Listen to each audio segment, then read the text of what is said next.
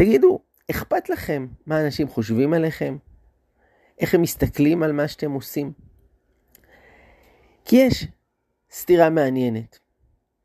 מצד אחד, ההלכה מלמדת אותנו שאדם צריך להיות אמיתי, להיות נאמן לעקרונות שלו, לעשות את הדבר הנכון בלי להתחשב במה שהחברה אומרת. כך כתוב בסימן הראשון של השולחן ערוך, אל יבוש מפני המלעיגים עליו בעבודת הבורא.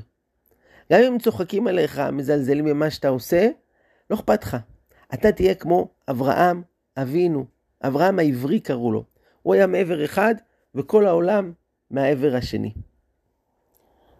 אבל מצד שני, אנחנו מגיעים לפרשת השבוע שלנו, ומופיע במשפט, והייתם נקיים מהשם ומישראל. כלומר, אדם צריך להתאמץ להיות נקי בעיני החברה, שלא יחשבו עליו דברים לא טובים. דוגמה שמופיעה בהלכה, כשהכהן נכנס בבית המקדש אל המקום שנמצא הכסף של מחצית השקל, כדי לקחת משם סכום עבור קניית הקורבנות, הוא לא ייכנס עם בגד שיש בו כיסים. למה?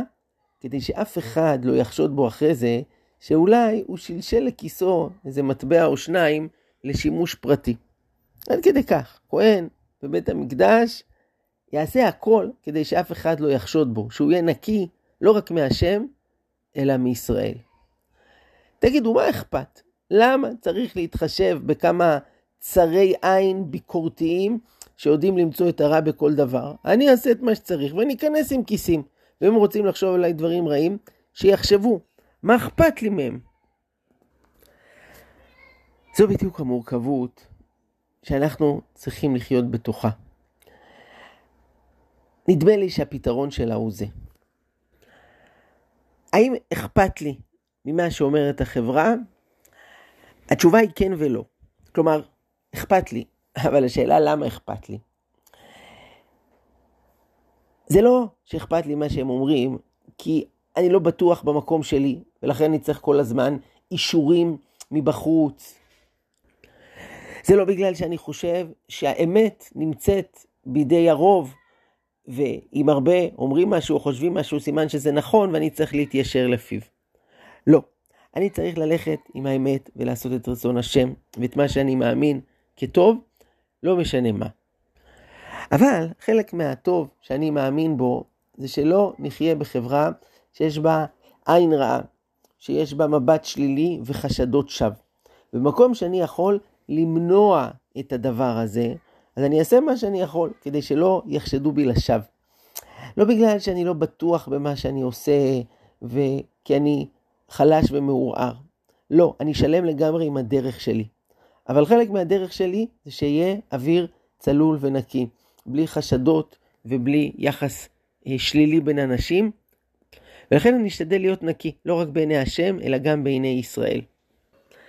לכל זה נוסיף עוד היבט מעשי שאותו מלמד אותנו הרמח"ל בספרו מסילת ישרים.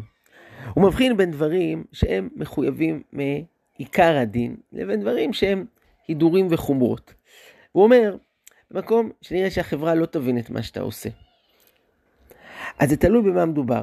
בדברים שמחויבים מעיקר הדין, אתה תעשה ולא משנה מה. אם עכשיו הגיע זמן תפילת מנחה, עוד חמש דקות שקיעה, ולא הספקת להתפלל, אתה תעמד גם בשדה התעופה. תתפוס לך שם איזה פינה בצד ותתפלל שמונה עשרה, גם אם אנשים יחשבו לעצמם, מי זה האיש המוזר הזה שעומד שם ומדבר כאילו אל עצמו? לעומת זאת, בדברים שהם הידורים וחומרות, ונראה שאנשים לא יבינו, נראה להם מוזר והזוי, פה בן אדם צריך לעשות טוב את השיקול. יכול להיות ששווה לשמור את זה לזמנים אחרים, כדי שלא יחשבו אנשים דברים רעים ושליליים, ואין להם אה, עין רעה על בן אדם.